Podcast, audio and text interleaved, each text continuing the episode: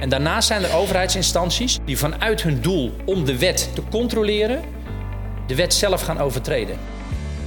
Dit is een podcast in de serie van de SIP Voorjaarsconferentie 2023. De politie heeft dat gedaan, die overtreden de hekwet. NCTV die had op een gegeven moment uh, spionnen ingezet om mensen op internet te controleren. Defensie had een unit opgetuigd waar ze geen wettelijk mandaat voor hadden. NCTV die wijst voortdurend de inlichtingendienst op het feit dat ze zich niet aan, uh, aan, aan de wet op de inlichtingendienst houden. De Belastingdienst heeft een fraudesysteem gebruikt, de zwarte lijsten aangelegd wat niet mocht. Dus je ziet dat die overheid, ondanks die goede intenties, ondanks het feit dat ze die digitale middelen gebruiken, een beetje de neiging hebben om door te slaan. Aan het woord is Kees Verhoeven vanuit zijn organisatie Bureau Digitale Zaken. En zijn pleidooi is eigenlijk dat de democratische rechtsstaat wordt bedreigd door digitalisering. Hoe moeten we omgaan met de kansen en de bedreigingen daarvan?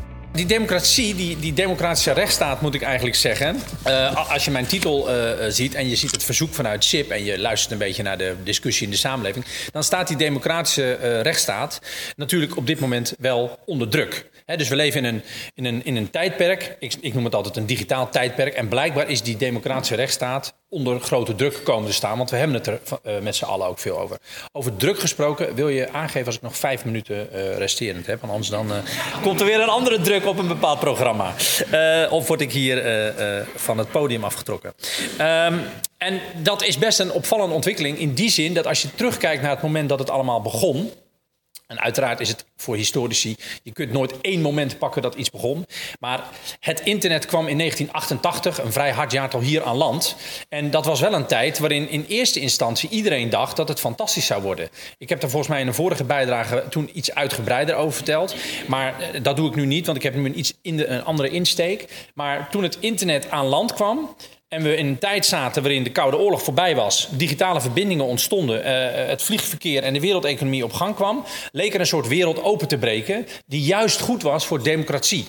Uh, en vrijheid. En, en een samenleving die mensen meer de, de ruimte zou geven om zichzelf te ontplooien, met elkaar te verbinden, hun eigen dromen te, te, uh, te delen via dat persoonlijke kanaal wat het internet zou worden. Dus toen werd er gedacht, End of history werd er zelfs toen uh, aangekondigd. Hè? Dus de wereld zou democratisch en vrij worden.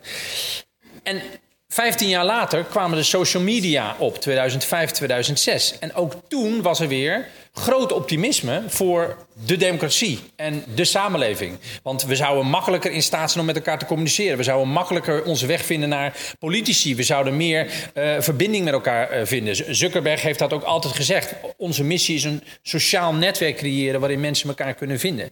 Ook toen werd weer gezegd, uh, het gaat allemaal beter worden. Arabische lente was toen de, de, de magische kreet. Um, Overigens is het niet altijd zo dat mensen denken dat een nieuwe digitale technologie iets positiefs brengt. Want in 2014, en toen zat ik in de Tweede Kamer, toen was er ineens een, een, een groot spook. En dat heette het spook van de robotangst. En toen was iedereen heel bang dat robots alle banen zouden gaan overnemen. En toen heeft voor, uh, toenmalig uh, vicepremier Ascher heeft toen echt een hele campagne gevoerd om die, dat baanbehoud te verdedigen. En dat leek toen een beetje een, een, een, een ouderwetse techvrezende benadering. En dat was het ook. Maar hij had op zich ook wel een beetje een punt. Want er zijn natuurlijk wel banen uh, verloren gegaan. En nu, als je kijkt naar de discussie anno 2023... gaat de discussie natuurlijk over artificial intelligence. En dat is een discussie die ook vol vrees ge, uh, gevoerd wordt. Er zijn natuurlijk altijd mensen die zeggen... dit gaat iets heel goeds worden. Dit gaat ons allemaal weer meer gemak geven. Dit gaat ons saaie, repetief, repeterende taken afnemen. En daardoor kunnen we juist beter uit de verf komen als mens. Maar er zijn natuurlijk ook mensen die zeggen... ho, wat gaat er eigenlijk gebeuren? Wat betekent dit nou eigenlijk en is dit wel goed? Wat je vaak ziet bij de komst van weer een nieuwe, uh, uh, uh, nieuw blad aan de boom van de technologie, is stelligheid. Dan komen er voorspellingen, dan komen er experts die gaan talkshowtafels gaan, gaan vertellen wat er gaat gebeuren. En dat zijn vaak hele overtuigende, maar ook hele stellige verhalen. Ehm, en dat zijn voorspellingen en die komen eigenlijk nooit uit. Dus mijn advies is over takeaways. We doen vandaag takeaways. Uh, mijn eerste takeaway is: luister niet te veel naar uh, experts. Maar luister gewoon naar mij. Uh, uh, nee, maar er, zijn altijd, er, zijn altijd, er is altijd een genuanceerder beeld. Dus een, een nieuwe technologie neemt nooit de plaats in van. We hebben al geschreven, ja, er komen webwinkels, dus de binnensteden gaan verdwijnen. Uh, de papieren kranten zouden verdwijnen, boeken zouden verdwijnen. Uh, dat is allemaal gedeeltelijk gebeurd, maar gedeeltelijk ook niet. Bestaande instituties, bestaande onderdelen zijn vaak heel, heel solide. Uh, en je ziet dus dat het, dat het niet elkaars plaats inneemt, maar dat het eigenlijk bijkomt. En er zijn ook altijd sprake van kansen en bedreigingen. Dus er zijn kansen, absoluut, maar er zijn ook altijd bedreigingen. En dat betekent dat er een, genuanceerd beeld zou moeten zijn van, van zo'n nieuwe digitale technologie. Ook bij AI zal dat nodig zijn om het uiteindelijk in goede banen uh, te leiden. Dan over die democratie. Uh, ik ga een beetje inzoomen. We, hebben natuurlijk een situatie waarin we kunnen zeggen dat de democratie van buitenaf onder druk staat als gevolg van digitale technologie. En dat komt omdat dictators, autocraten, maar ook hele grote machtige bedrijven met kapitalistische verdienmodellen, die hebben die technologie, die hebben die data en die hebben dus een bepaalde machtspositie gecreëerd, waardoor ze onze manier van, van leven, de persoonlijke autonomie, maar soms ook echt de democratie uh, uh, van mensen, dat ze die eigenlijk kunnen ontwrichten of kunnen destabiliseren. Uh, en dat zie je onder andere bij de grote techbedrijven. Die hebben natuurlijk in de afgelopen decennia prachtige platforms neergezet en, en, en geweldige uh, innovaties gedaan. Die wij ook allemaal elke dag gebruiken. Maar ze hebben tegelijkertijd een machtspositie gecreëerd, een datamacht gecreëerd. Die er echt voor zorgt dat uh, privacy geschonden is. auteurs minder geld krijgen voor hun waar. mensen die er voor die bedrijven werken op allerlei plekken die we niet zien, onderbetaald worden. Ze betalen geen belasting of bijna geen belasting. Eh, ze zijn toch stations waar desinformatie wordt rondgepompt zonder dat ze daar veel eh, verantwoordelijkheid voor nemen.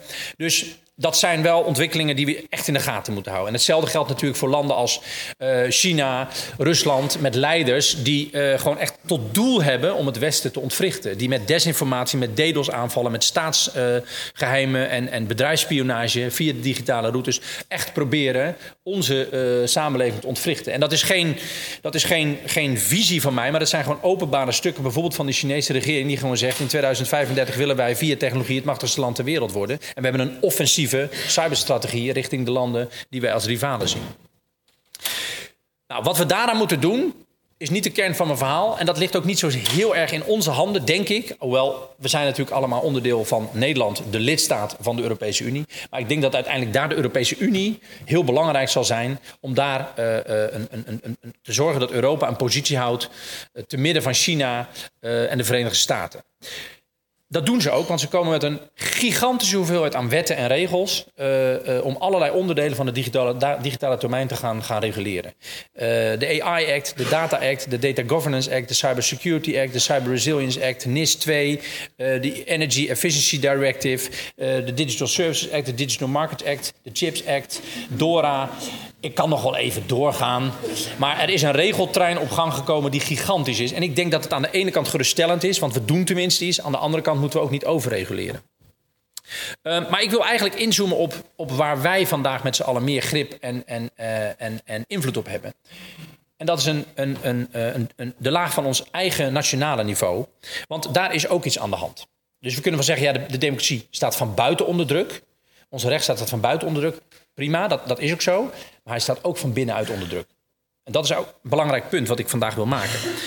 Dat komt dus niet door, door, door autocraten of door machtige bedrijven, maar dat komt gewoon door democratisch gekozen regeringen, democratisch gekozen volksvertegenwoordigers, democratisch gekozen gemeenteraden. Die hebben namelijk allemaal een hele goede bedoeling. Die willen allemaal de wereld verbeteren. Die willen de wereld beter maken. Die willen een bepaalde vorm van maakbaarheid toepassen. Dat zijn idealisten en die willen zorgen dat het met ons allemaal beter gaat. Uh, en dat leidt tot iets wat alle politici altijd hebben. Uh, en dat is namelijk een, toch graag iets van grip, controle. Het in de hand hebben, het kunnen regisseren, het kunnen regelen. Um, en die, dat, is, dat is van alle tijden. Dus dat is niet nieuw. Dat is niet iets van de laatste 20, 25 jaar. Dat is niet sinds het internet zo. Dat is altijd zo geweest. Alleen door de komst van digitale technologieën is die drang om dingen te kunnen controleren, heeft als, als verlengstuk gekregen eigenlijk data, algoritmes en, en andere surveillancemiddelen die worden ingezet om burgers in de gaten te houden. En je zou kunnen zeggen dat de mensheid altijd geprobeerd heeft om met een groot verhaal grip te krijgen op zijn omgeving. Dat, kan een, dat was natuurlijk religie, maar dat zijn bijvoorbeeld ook merken. Het idee dat we landen hebben, het idee dat we bezit hebben bedacht, zijn allemaal manieren om de wereld te ordenen en grip te krijgen op die wereld. En er is eigenlijk een nieuw soort religie aan het ontstaan, of dat is eigenlijk al ontstaan, en dat zou je dataïsme kunnen noemen.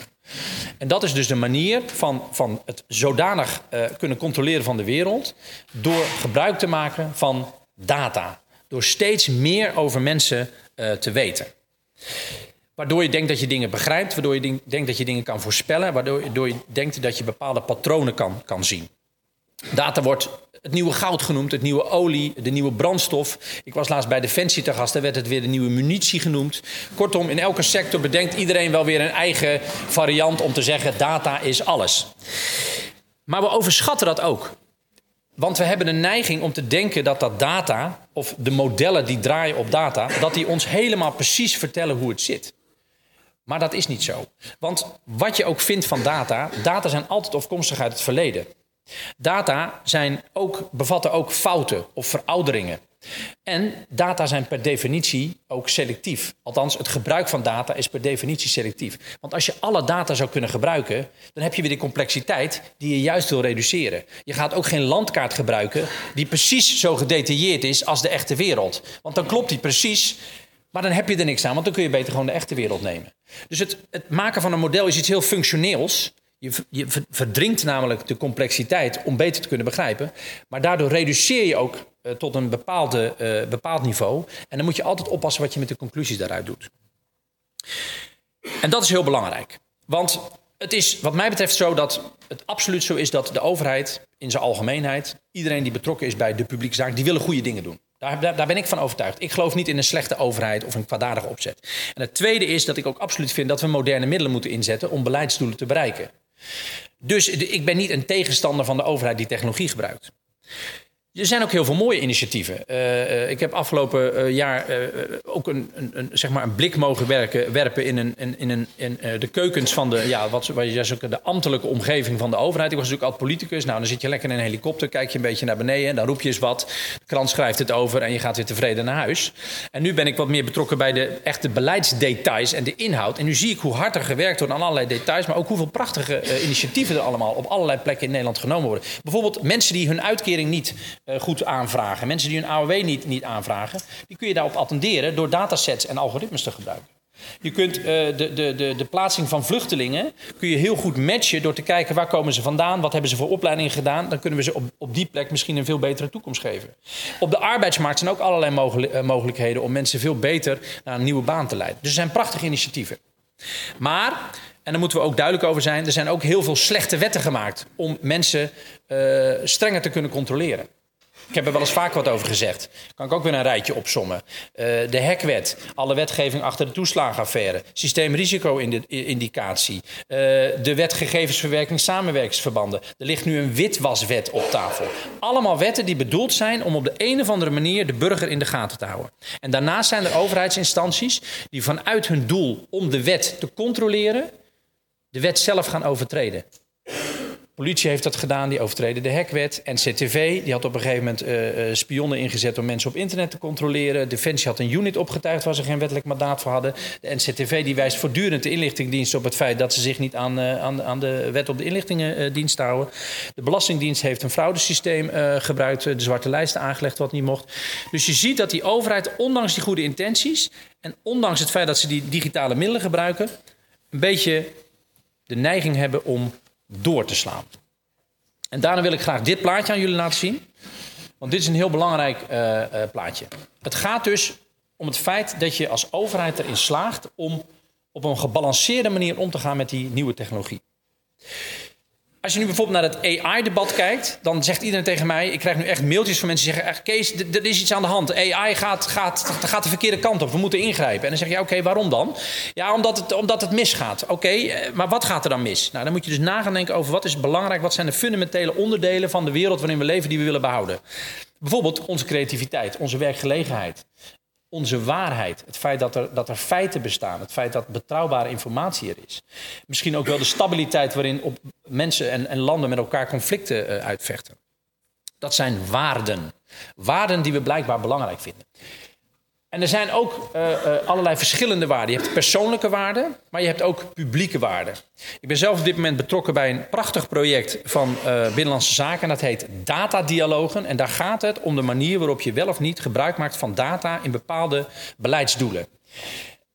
En dan moet je dus nadenken over de afweging tussen verschillende waarden. En er zijn, zoals de WRR heeft geschreven, al twaalf jaar geleden, ik kende het onderzoek niet, er zijn stuwende waarden stuwende beginselen en er zijn verankerende waarden, verankerende beginselen. Stuwende waarden, dat, dat komt overeen met de sociale grondrechten.